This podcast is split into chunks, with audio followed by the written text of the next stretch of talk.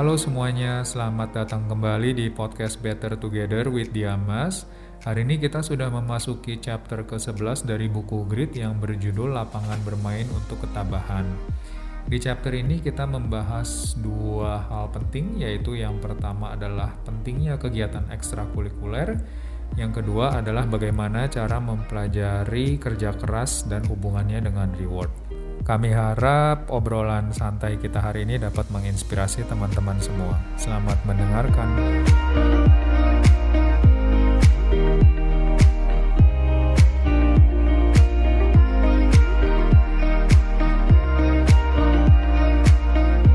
Selamat sore semuanya, kembali lagi di podcast Better Together with Diamas. Hari ini kita sudah memasuki ke chapter 11 yang berjudul The Playing Fields of Grit dari buku Grit karangan Angela Duckworth atau terjemahan bahasa Indonesianya itu adalah lapangan bermain untuk ketabahan.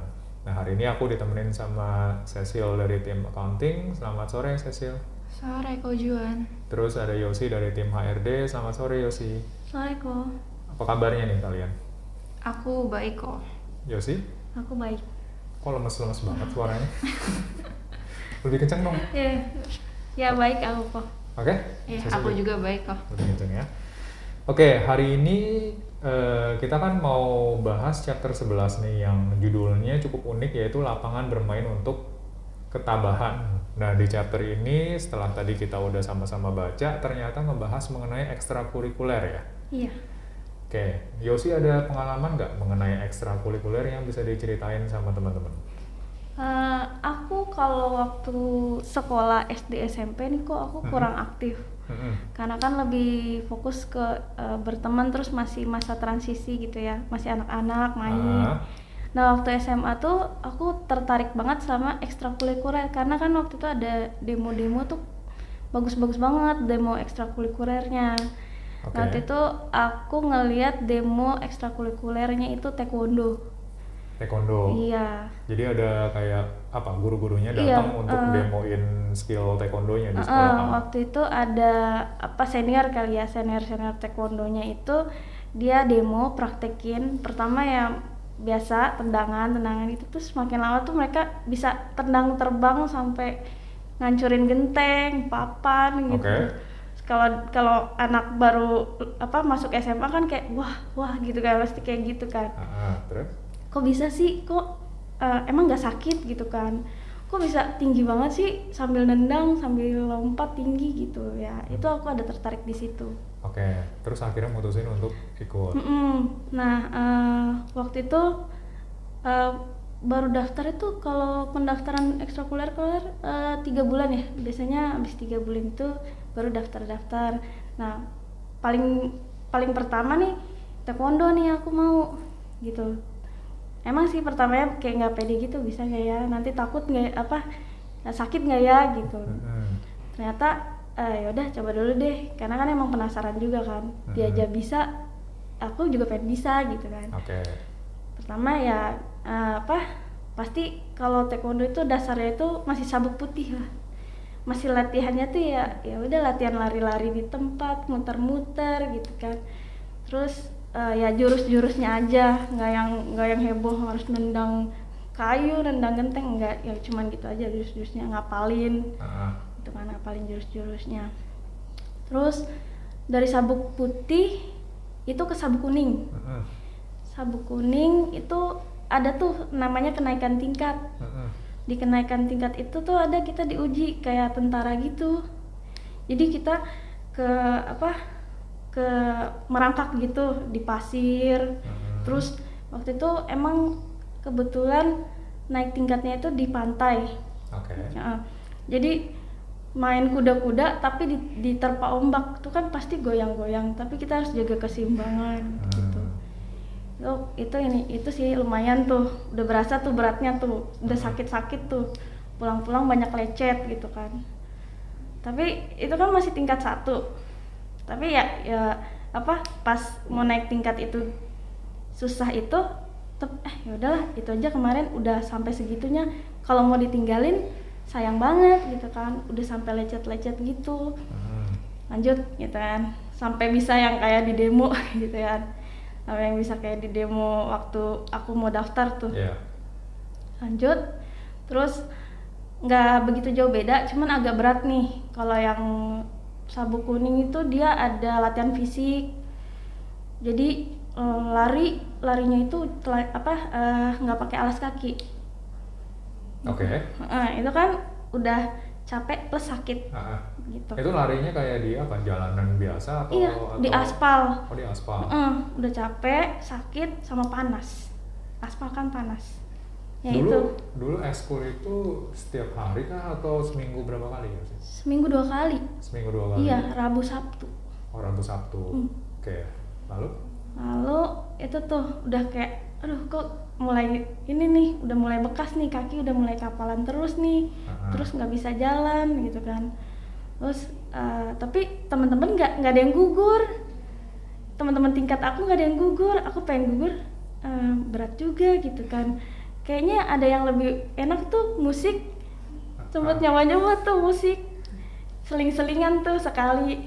Tapi akhirnya eh, pas di musik itu eh, kayak kurang gitu ya kurang suka. Balik lagi taekwondo lanjutin lagi gitu kan. Terus eh, walaupun sakit tetap kayak ada masih penasarannya juga gitu. Oh sampai mau jago ah gitu kan. Hmm. sampai mau tanding gitu kan. Terus ya udah eh, balik lagi taekwondo terus bertahan tuh setiap pelatihan ya lari dulu eh, tanpa alas kaki gitu kan. Terus udah terus naik tingkat lagi. Gak jauh beda lah sama naik tingkat yang pertama. Cuman ya ini pakai naik gunung. Naik gunung terus eh, apa pakai jurik-jurik malam gitu-gitu yang udah pakai batin-batin gitulah Oke. gitu lah. yang ditakut-takutin gitu kan. Tapi ternyata nggak ini juga gitu ya eh, lolos juga Dulu kalau boleh tahu banyakan cewek apa banyakan cowok tuh? Atau satu angkatan misalnya cewek semua atau dicampur sama cowok kalau taekwondo itu? Hmm, dicampur cuman pas angkatan aku sama sih Dan itu ceweknya juga pada nggak nyerah semua tuh? enggak Oke. enggak ada yang nyerah jadi Kalau misalnya waktu itu ada yang nyerah, kamu bakal nyerah nggak? nggak tahu juga ya Kenapa? kayak waktu itu sih kayak pengen nyerah tapi kayak ngelihat orang juga bisa jadi ada motivasi juga kayak menantang juga nih gitu. Eh, apa orang lain bisa apa ngelanjutin kok akunya nyerah? gitu. Sempet yang kalau Juan tanyain itu barusan Hah? sempat di tingkat itu kan tadi kuning aku naik ke hijau Ya. naik ke hijau itu sempat ada teman-teman yang gugur. Itu jadi tinggi tadinya sampai sep- 15 apa ya tinggal 5 itu banyak banget kan. Tinggal 5 Seperti iya, dua yang ceweknya. kalau- ya. iya gugur semua tuh tinggal 5 yang ceweknya. Terus kalau yang cowoknya masih agak lumayan lah masih agak lebih lebih baik dari cewek. Tadinya kan imbang cewek cowoknya. Nah sekarang lebih banyak nih si cowoknya daripada cewek ceweknya tinggal 5 teman-teman aku semua.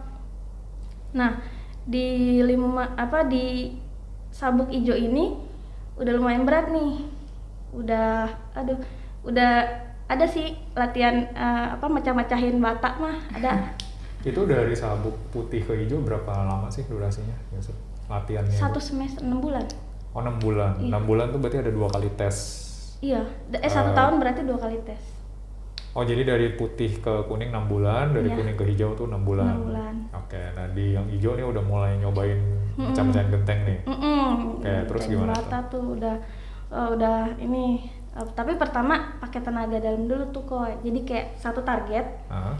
targetnya itu eh, apa ya eh, dari apa ya eh, kalau dari taekwondo tuh bahannya ya busa lah gitu. Masih belum bahan keras. Ah. ya yaitu pertama nendang itu kamu pasti sakit perih. Perih. Terus yang lama-lama nggak berasa. Nah dari yang lama-lama nggak berasa itu baru kita bisa ke yang keras ini si bata ini. Oke. gitu Terus akhirnya sampai ban warna apa kamu paling tinggi? paling tinggi biru Biru ya? Ah. Biru tuh habis hijau atau ada abis hijau biru abis biru merah Ah. abis merah merah garis hitam terus yang terakhir hitam hitam? Oke. Itu berarti berapa lama total kamu ngikut kegiatan taekwondo itu? Hmm, dari kelas 1 sampai kelas 3 tapi kelas 3 semester 2 aku berhenti karena emang kan eh, ada UAN ya dulu kan baru eh, kurikulum baru tuh yang Oh. UAN sebagai acuan buat kelulusan jadi semua pada fokus ke UAN Oke. Selama berarti hampir berapa? Dua tahun lebih tuh ikut dua tahun setengah ya? Mm-mm. Kalau ditanya sekarang apa sih satu hal yang kamu dapat dari taekwondo itu yang paling berkesan mungkin bahkan sampai hidup kamu sekarang nih masih jadi apa ya eh, bantuan buat kamu mungkin yang kamu pelajarin dulu ya itu sih eh, apa nggak gampang nyerah nanti gampang anak aku juga kalau udah gede aku mau ituin taekwondo oh ya Sekarang Iya. nggak mau lanjut lagi. sekarang mau lanjut tapi fisiknya udah nggak mendukung Ah. gitu kalau misalnya sekarang lanjut lagi tuh ngulang lagi dari bawah atau langsung bisa ban kamu yang terakhir Eh, enggak kalau misalkan eh, apa kan ada jurus-jurusnya itu kalau dilatih lagi dia udah apal masih apal nggak apa-apa bisa Oh, bisa lanjut ya. Mm-mm. Oke. Kamu lebih hebat loh by the way. Aku cuma sampai kuning udah nyerah duluan. Nah gitu. Aja naik kuning. Aku sampai dulu- kuning karena dulu tuh latihannya eh, bukan ekskul sih lebih kayak les ya. Hmm. jadi kan ada juga les taekwondo tuh. Seminggu sekali tiap hari minggu pagi harus bangun harus pergi ke tempat les itu dulu berdua sama eh, Pak Norman. Kita boncengan naik motor. Karena emang tuh dulu dipaksa sama bapak jadi aku sebenarnya nggak terlalu suka eh, latihan taekwondo kayak gitu-gituan. Cuman katanya kalau cowok harus bisa lah melindungi diri akhirnya ikutan. Sampai ban kuning akhirnya aku nyerah. Karena aku pikir buset udah bangun pagi-pagi hari minggu terus digebukin. Males banget kan? Jadi ya udahlah akhirnya aku eh, stop sampai di kuning. Tapi memang bener sih latihannya itu nempak diri banget ya. Iya nampak diri banget. Yang paling bangga itu aku sebenarnya sempat ngedown juga sih kok yang waktu sabuk biru itu kan Hmm. udah bisa ya yang namanya tanding. Hmm, Uh, nah waktu itu ada yang namanya turnamen Wahidin Halim oke. di Gor Tangerang. Nah itu tuh aku udah latihan, udah namanya apa ya kalau itu, pokoknya ada udah latihan dulu deh, udah siapin uh, apa berat badan gitu kan, terus udah apa fisik juga gitu, Mhm. terus jaga berat badan juga katanya sih. Kalau aku sih kurang berat badannya karena kan aku kecil. Dan kelasnya itu dimulai 40 40 kilo. Nah aku 38 aku udah latihan fisik tapi beratnya tuh nggak bisa nambah-nambah. Jadi itu Hmm. aku sedih di situ nggak bisa ikut tanding. Padahal udah siap-siapin. Iya udah siap-siapin sama sebulan kan waktunya. Oke. terus pas penimbangan mau pendaftaran kan ditimbang dulu. Itu nggak masuk. Cuman 39 itu juga kurang sekilo ya? Iya kurang gitu. Masih jauh gitu tuh nggak bisa tanding. Tapi kan aku goalsnya waktu itu karena pertamanya karena oh eh, apa ngelihat bisa apa ya, bisa mecahin genteng itu doang sih. Namanya juga masih kelas 1 SMA Iya. baru itu kita ngeliat kayak gitu kan. Tapi ternyata bukan itu goalsnya. Apa? Ya waktu aku kan ada demo ya kita kan udah senior juga nih. Ya yang waktu aku sabuk hijau apa sabuk biru itu kita juga demo. Mm-mm. itu memutar ke sekolah-sekolah. Itu sebenarnya bukan bisa mecahin gentengnya tapi kayak eh, apa ya lebih ke gimana ngegerakin orangnya gitu. Kayak oh eh, apa bisa dia bisa ikut taekwondo itu apa bagus ya gitu kan. Sampai orang tuh kayak nanya-nanya gitu kan. Hmm, maksudnya menggerakkan orang tuh supaya Iya, mereka ikut mau taekwondo. ikutan. Iya kan karena kita ikut demo kan kan kita promosiin. Iya. Nah, pas aku senangnya itu aku bukan ditanya kok bisa sih menjadi enggak. Gimana sih uh, ikutnya gitu.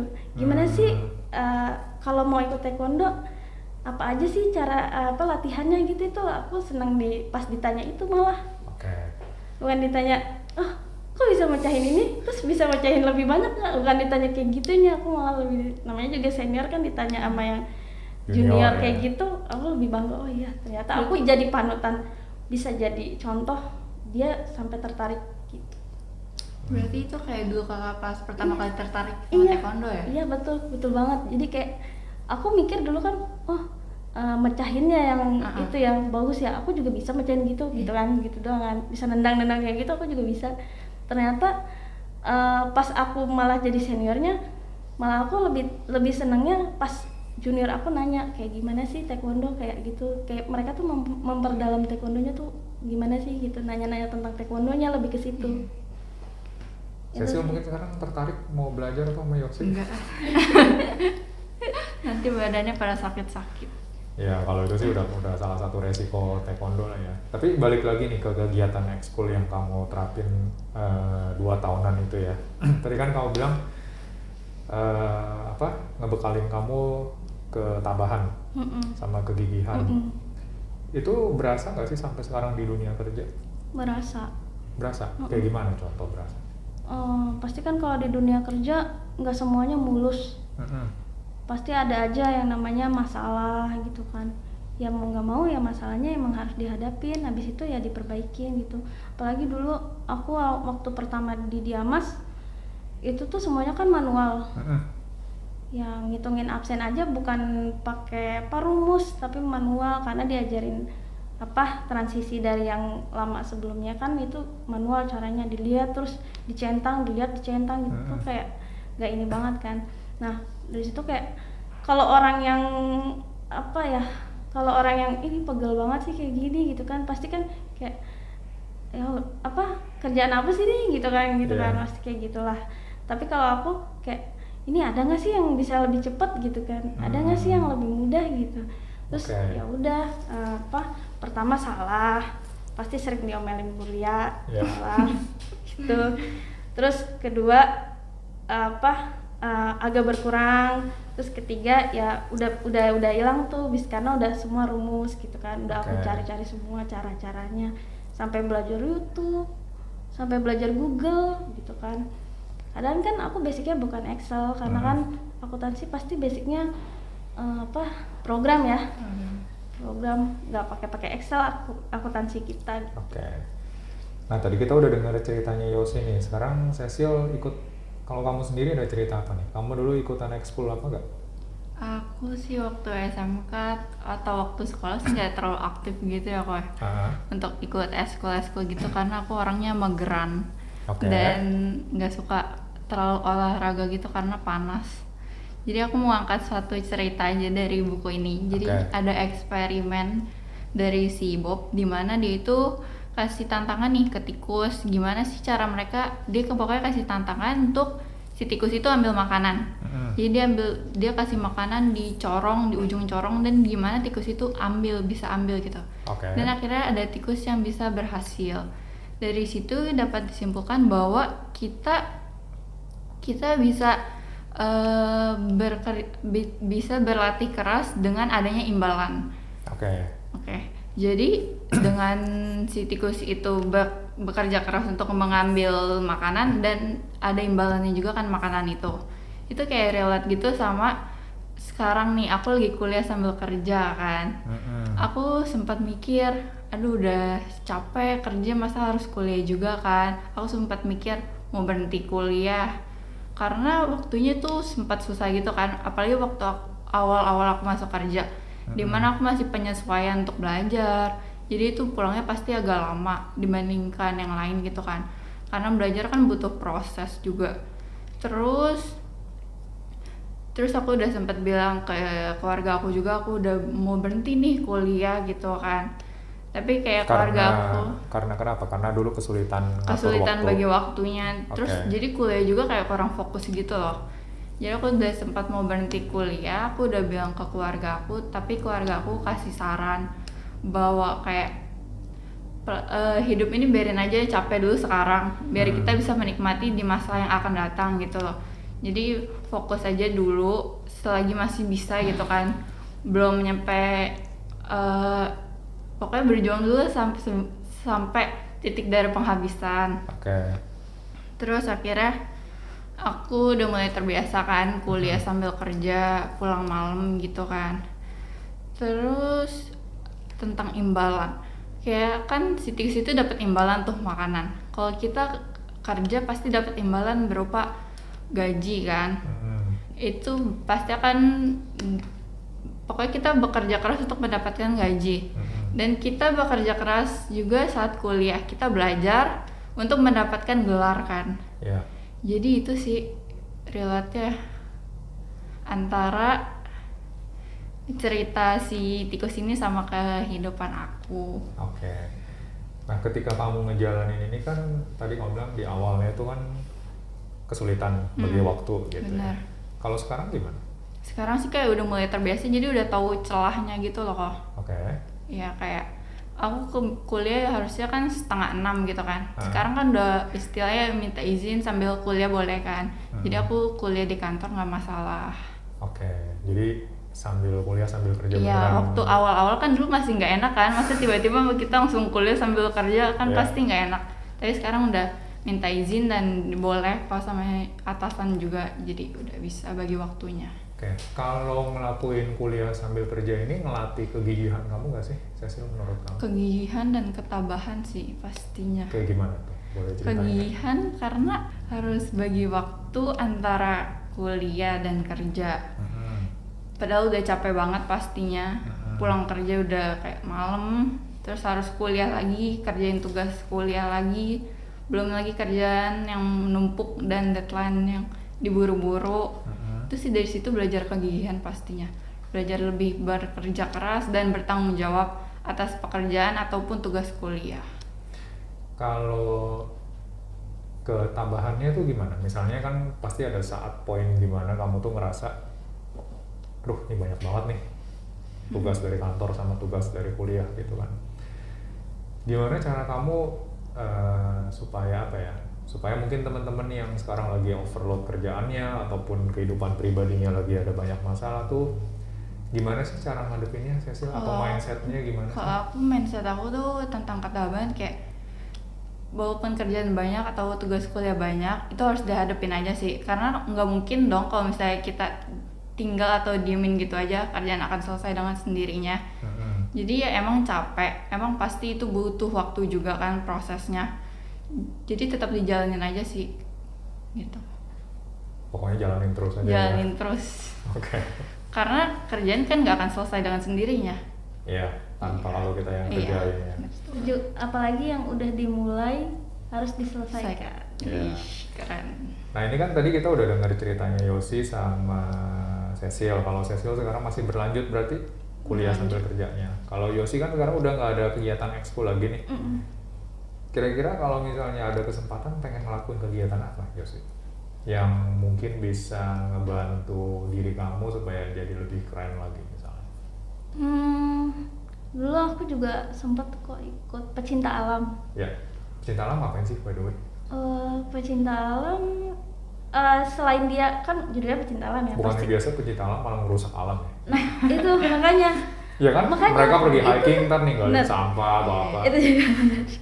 Judulnya doang biasa. Judulnya alam. pecinta alam nggak tahu sekarang kenapa pecinta alamnya kayak gitu. Padahal yang dulu aku pelajarin pecinta Hmm. alam tuh nggak kayak gitu kok. Jadi mereka lebih ke konservasi alam. Aku pernah loh sampai ke ke Pulau Seribu atau Pulau Rambut di sampingnya Pulau Untung Jawa itu kan Iya. pulau konservasi. Heeh. Nah itu kita konservasi alam ya eh, pelajarin alam yang di situ apa aja yang bisa kita apa ya eh, kembangin dari situ gitu. Nah, Terus itu perlindungannya apa? Kamu pengen ngelakuin kegiatan itu lagi sekarang? Eh, iya, tapi ini pecinta alamnya mungkin nggak dalam konservasi itu ya kayak dalam ya udah di di lingkup di lingkup Sekitar aku aja gitu kayak aku kan emang lagi apa lagi apa sukanya sama yang eh, apa menanam Heeh. Di rumah tuh ada pohon-pohon tuh banyak tuh. Maksudnya kayak ada tanaman-tanaman. Iya. aku ke situ juga eh, ada suka ke situ juga. Sama ya ada juga pengen nyalurin eh, alam cinta alam ini eh, lebih ke pecinta alam ini ke anak-anak aku. Oke. jadi pengen ngenalin yang namanya alam jadi kayak camping-camping sama anak gitu. Oke. daripada main ke mall gitu kalau aku sih lebih ke situ Sebetulnya kalau kita ngomongin alam ini kan aku sempat denger di podcast mana gitu ya, di podcastnya Endgame kalau nggak salah. Kalau lifestyle atau gaya hidup kita nggak berubah kayak kita sekarang ini, umur bumi kita ini tuh tinggal 50 sampai 60 tahun lagi. Karena konsumsi karbon kita per tahun tuh belum belum berubah. Hmm. Harusnya kan udah mulai turun ya. Tapi karena kita belum punya eh, kepedulian ataupun punya apa ya, punya urgensi mungkin ya untuk berubah, itu akan konstan begini terus dan 50 sampai 60 tahun lagi ini udah nggak bisa di tinggal ditinggalin Hmm. bumi kita. Nah aku tadi kan sempat bercanda mengenai pencinta alam pencinta alam nih justru banyak kan mereka malah ngerusak gitu. Mm-mm, betul. Dan contohnya banyak banget kayak misalnya dari kehidupan sehari-hari kita penggunaan plastik sekali pakai tuh masih tinggi banget. Nah itu mungkin ya ini sedikit selingan aja. Caranya teman-teman tuh banyak kok sebenarnya kalau misalnya mau merubah gaya hidup supaya nolongin bumi kita ini. Hmm. Ya nggak Yosi? Iya betul. Eh, contohnya ya jangan buang sampah sembarangan itu aja sih simpel-simpel aja dari diri sendiri juga gitu. Ya kayak misalnya contoh misalnya kita aus gitu ya. Aku tuh sekarang karena waktu kebetulan tuker kado dapet eh, apa namanya botol minum yang bisa berapa liter gitu ya. Jadi ke mana-mana bawa itu. Jadi udah ngurangin banget penggunaan kayak misalnya aus minumnya dari aqua gelas atau aqua botol yang sebetulnya sekali pakai itu saat itu kan kan nggak bisa nggak bisa apa nggak bisa terurai mereka. Jadi ya itu eh, usaha kecilnya kita lah yang mungkin kita bisa rubah tiap hari. Kalau Cecil apa nih Kalau kayak untuk penggunaan sedotan gitu loh, kan sekarang udah ada tuh ya sedotan stainless. Jadi lebih baik kita pakai itu aja sih. Atau kalau nggak ada sedotan, lebih baik langsung minum aja dari gelasnya. Iya. Gak usah pakai sedotan gitu kan lumayan mengurangi ya kok. Terus kalau untuk belanja, bawa kantong plastik, bawa kantong belanja sendiri. Mm-mm, Benar, udah banyak banget itu. Iya, Wah, malah udah jarang kantong plastik kayaknya di supermarket. bener. Iya. Eh, kalau aktivitasnya apa kira-kira? Kalau kalau Yosi kan tadi pengen apa eh, ngajakin anaknya untuk jadi pecinta alam nih kegiatan yang dia mau lakukan. Kalau kamu ada nggak kegiatan yang pengen kamu lakukan sekarang? Kegiatan yang ingin aku lakukan sekarang paling mau belajar main gitar sih. Karena Belajar aku suka gitar? musik kan. Ah, Tapi mau coba main gitar dari kecil nggak ada yang ngajarin. Oke. Nah, sekarang ada kesempatannya ada yang ngajarin. Jadi aku mau coba main gitar sih. Kenapa gitar? Karena suka musik aja dan berasa keren gitu kalau main gitar. Kalau ada yang ngajarin gitu harus dimanfaatkan nih. Iya, Ya. Soalnya benar. dulu waktu aku sekolah juga sama, aku juga suka gitar kok. Tapi karena nggak ada yang ngajarin, ngumpulin duit tuh, uang Hmm. jajan buat ikut les musik. Tapi kan nggak dimodelin orang tua modal sendiri, akhirnya jebol-jebol juga. Saya menyerah gitu kan. Iya. Saya nggak punya modal ya. Sebetulnya di zaman sekarang kita tuh belajar apa aja udah tersedia banget kok di Mm. internet. Iya, malah sekarang lebih gampang. Iya. Makanya kenapa nggak zaman sekarang ini sekolahnya? Aku tuh sebenarnya dari dulu kepengen deh Diamas itu punya channel yang untuk misalnya nih saya sih tadi kan pengen belajar gitar gitu ya. Aku yakin pasti di sini nggak kamu doang deh yang Hmm. Bisa atau pengen belajar gitar gitu. Kenapa nggak orang-orang yang punya niatan atau hobi yang sama tuh dikumpulin kita bikinin ekskul di sini gitu Hmm, kan? Setuju banget kok. Pengen banget cuman dari dulu aku tanyain apa nih hobi yang kalian itu nggak ada yang mau jawab dari dulu.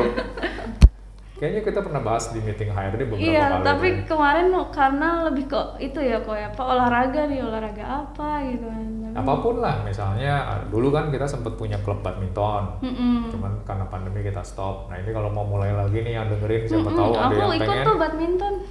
yuk kita mulai lagi terus kita dulu punya futsal ya Iya, iya futsal anak futsal gudang. ya Kayak sih nggak ikut. Enggak, ya. sempat juara juga ya kalau nggak salah kita Heeh. juara berapa gitu aku yakin pasti punya eh pasti ada teman-teman yang punya hobi yang sama. Siapa tahu nanti bisa kita bikinin habis ini. Iya, setuju kok. Gitar boleh tuh. gitar ya ntar kita cari siapa yang bisa Iya. ngajarin gitu ya supaya teman-teman di sini beneran aku tuh pengen banget dia mas tuh nggak nggak nggak apa ya nggak orang datang ke sini tuh hanya untuk kerja terus pulang gitu. Jadi kita punya banyak aktivitas pendukung yang ya itu ternyata kan ekskul ini banyak banget eh, positifnya nah cuman di buku ini kan diajarin kalau misalnya ekstrakurikuler itu akan berdampak jauh lebih positif kalau dilakukan minimal berapa lama Dua tahun. dua tahun Setahun. Setahun. jadi kalau setahun tuh kurang ya Mm-mm.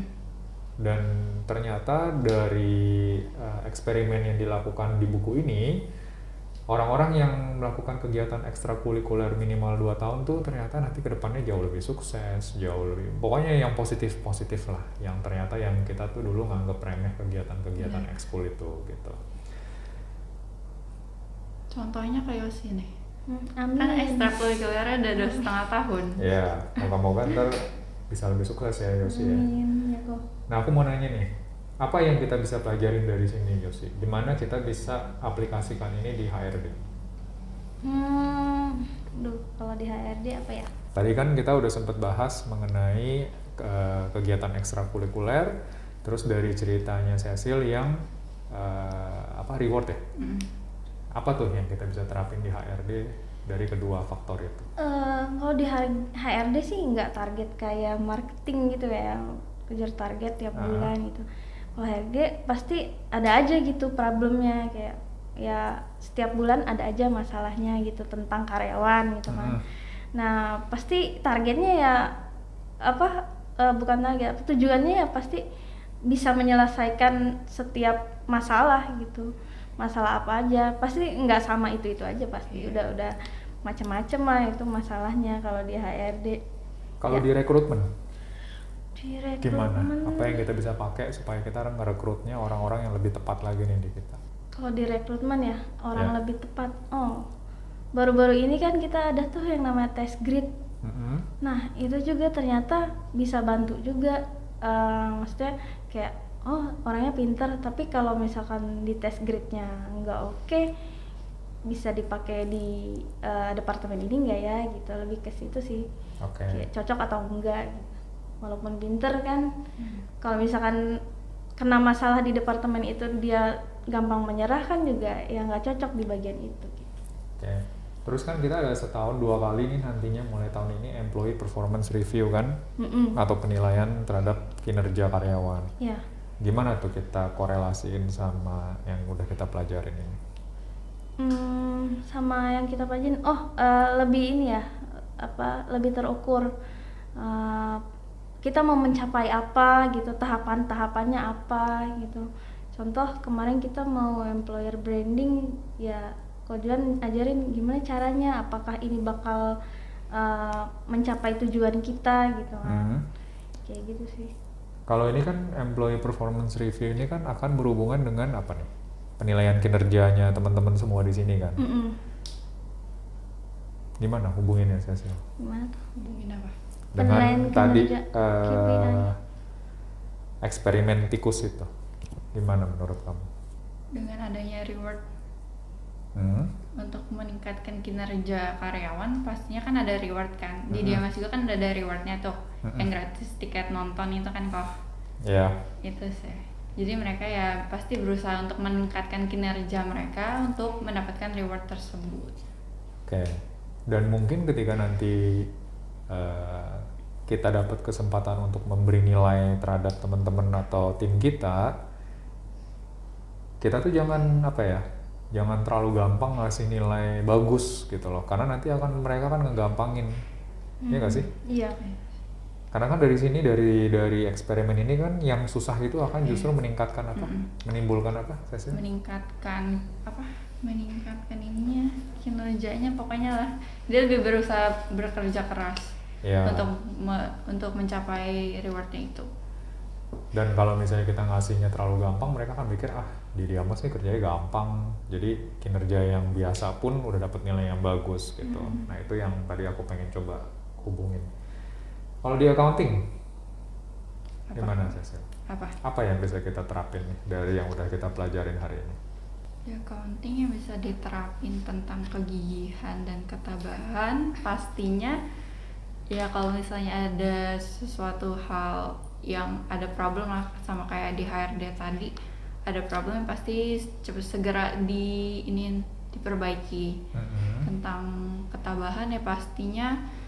Dari ketabahan kita kan sering dapat masukan nih dari atasan walaupun kita salah sering ka- dikasih wejangan. Mm-mm. jangan begini jangan begini gini caranya yang benar gitu kan. Ya, dari situ kita belajar ketabahan dan memperbaiki kinerja kita untuk ke yang lebih baik oke. dan meminimal meminimalisir kesalahan Oke. gitu sih kok Oke, nah di buku ini kan juga ngebahas yang namanya aturan hal sulit nih yang diberlakukan sama si pengarang buku ini ya, si Angela Duckworth untuk keluarganya. Nah, Cecil, apa nih? Kan di buku ini jelasin ada tiga aturan ya mengenai aturan hal sulit. Yang pertama apa? Yang pertama itu adalah hal sulit sesuatu yang membutuhkan latihan terencana setiap hari. Kalau contohnya di sini nih, si. Angela itu saya pernah mengatakan kepada anak-anak saya bahwa penelitian psikologis adalah hal sulit saya, tapi saya juga berlatih yoga. Kalau menurut aku, aku sendiri hal tersulit aku untuk saat ini tuh adalah tadi kerja sambil kuliah. Oke. Dan aku juga ingin melakukan hal sulit lagi kayak untuk mencoba bermain gitar, contohnya gitu. Oke. Itu udah cukup sulit belum buat kamu? Cukup. Cukup. Udah. Oke. Poin kedua apa nih Yosi?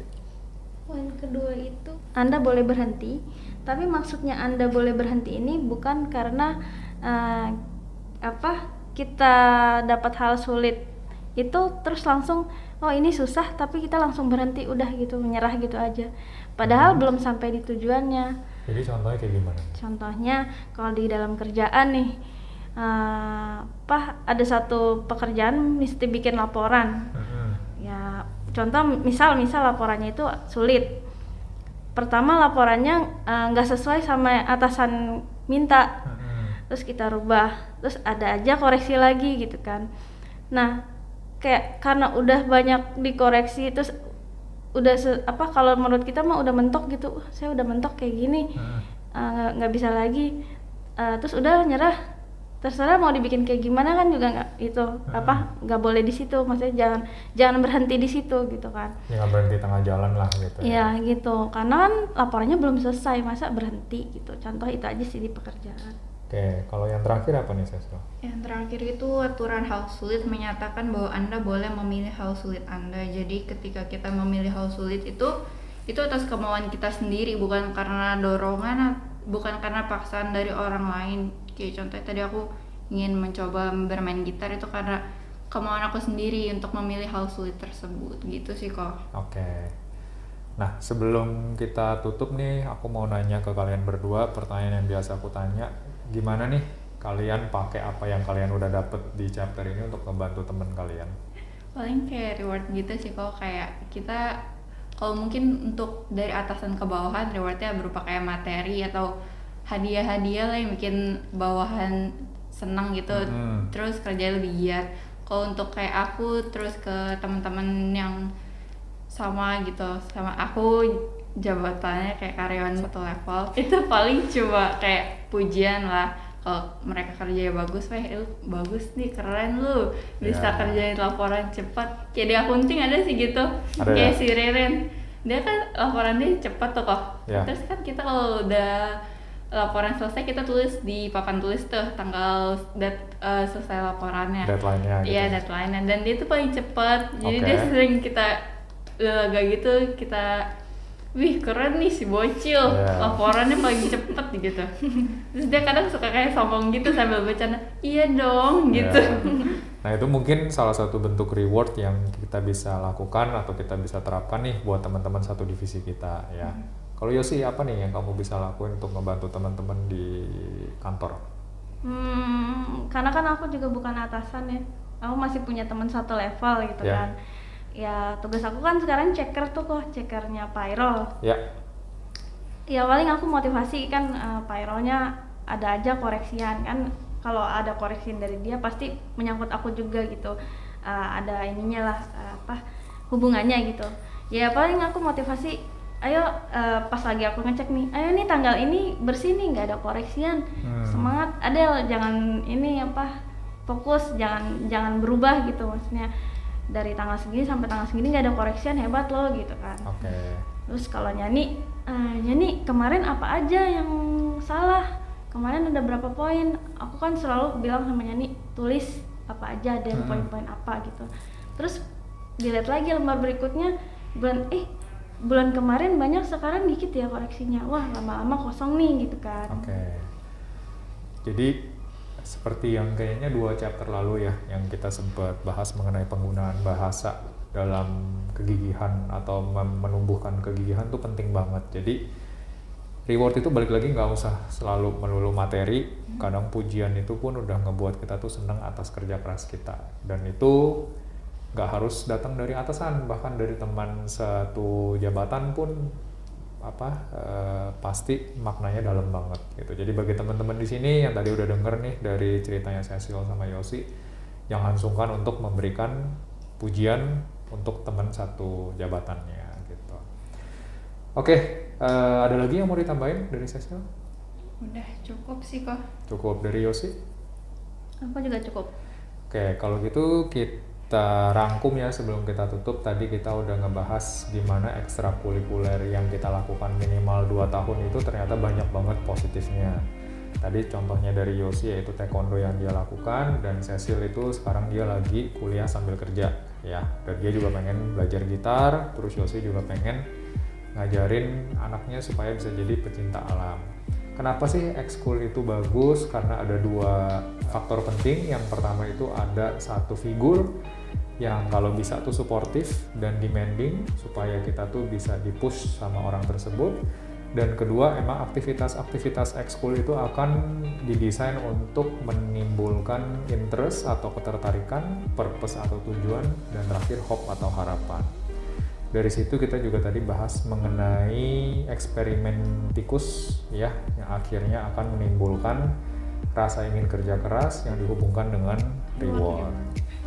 Oke, aku sama Cecil sama Yosi berharap cerita dan obrolan santai kita hari ini bisa menginspirasi teman-teman semua untuk selalu jadi lebih baik.